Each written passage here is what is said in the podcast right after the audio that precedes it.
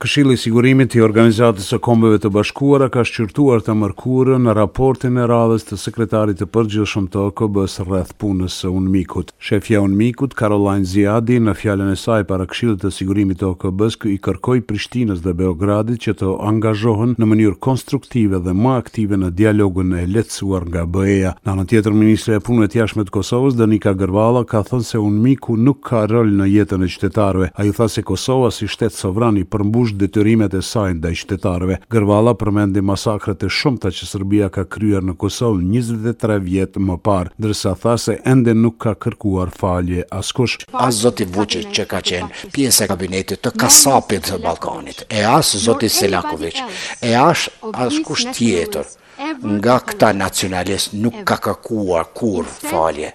Në vend të kësaj, ata vazhdojnë t'i mbulojnë e t'i mbrojnë krimet e luftës. Ajo përmendi edhe sulmet e ditëve të fundit ndaj policisë në veri të Kosovës, duke thënë se Serbia dhe Rusia vazhdojnë të jenë kërcënimi më i madh i paqes në rajon. Sulmet po vijnë nga territori serb dhe do të ishin të pamundura nëse zoti Vuçiq nuk do t'i toleronte.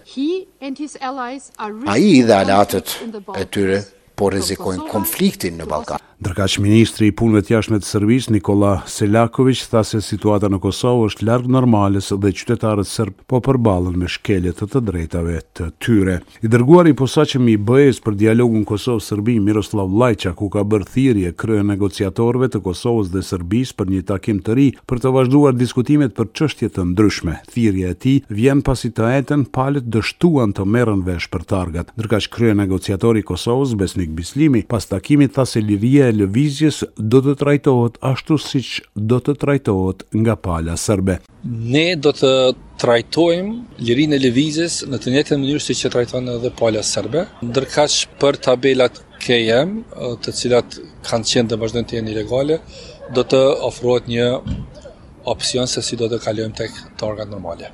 Presidenti i Letonisë, Egils Levits gjatë qëndrimit në Kosovë është pritur nga zyrtarët e lartë shtetërorë. Në konferencën e përbashkët për media pas takimit, presidentja Vjosa Osmani tha se si dy vende mike, Kosova dhe Letonia do të vazhdojnë të kontribuojnë për të mbështetur paqen globale. Ajo tha se kërcënimet nga Rusia dhe aleati i saj Serbia paraqesin rrezik për rajonin ballkanik, ndërkohë ka kërkuar nga presidenti letonez mbështetje drejt rrugëtimit në NATO dhe BE.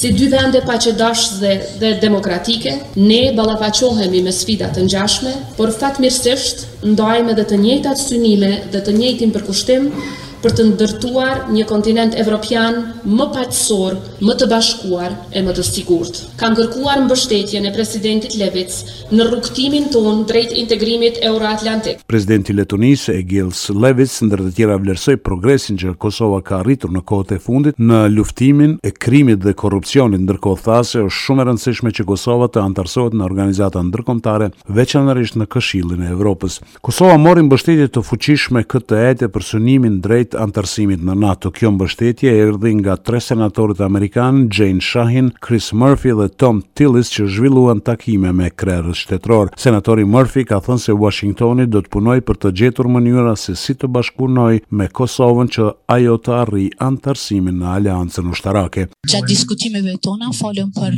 interesat tonë të përbashkëta për të vazhduar proceset për t'iu bashkuar si NATO-s ashtu edhe BE-s. Natyrisht më shumë uh, kemi të bëjmë me procesin për NATO dhe tash është më urgjente se kurrë që të sigurojmë që shtetet si Kosova që janë në periferi të një Rusie të vënë në kënd që ato shtete të kenë mbrojtje dhe të gëzojnë mbrojtje. Në njëzet e katër orët e fundit, nga shtatëqind e tridhjetë e gjashtë testime, katërmbëdhjetë qytetarë kanë rezultuar pozitivë me virusin Covid nëntëmbëdhjetë dhe nuk u shënua asnjë i vdekur. Sot janë shëruar dhjetë qytetarë. Në total, numri i rasteve aktive është katërqind e tridhjetë e tetë. Për Radion SBS, Mendu Hysa, Prishtinë.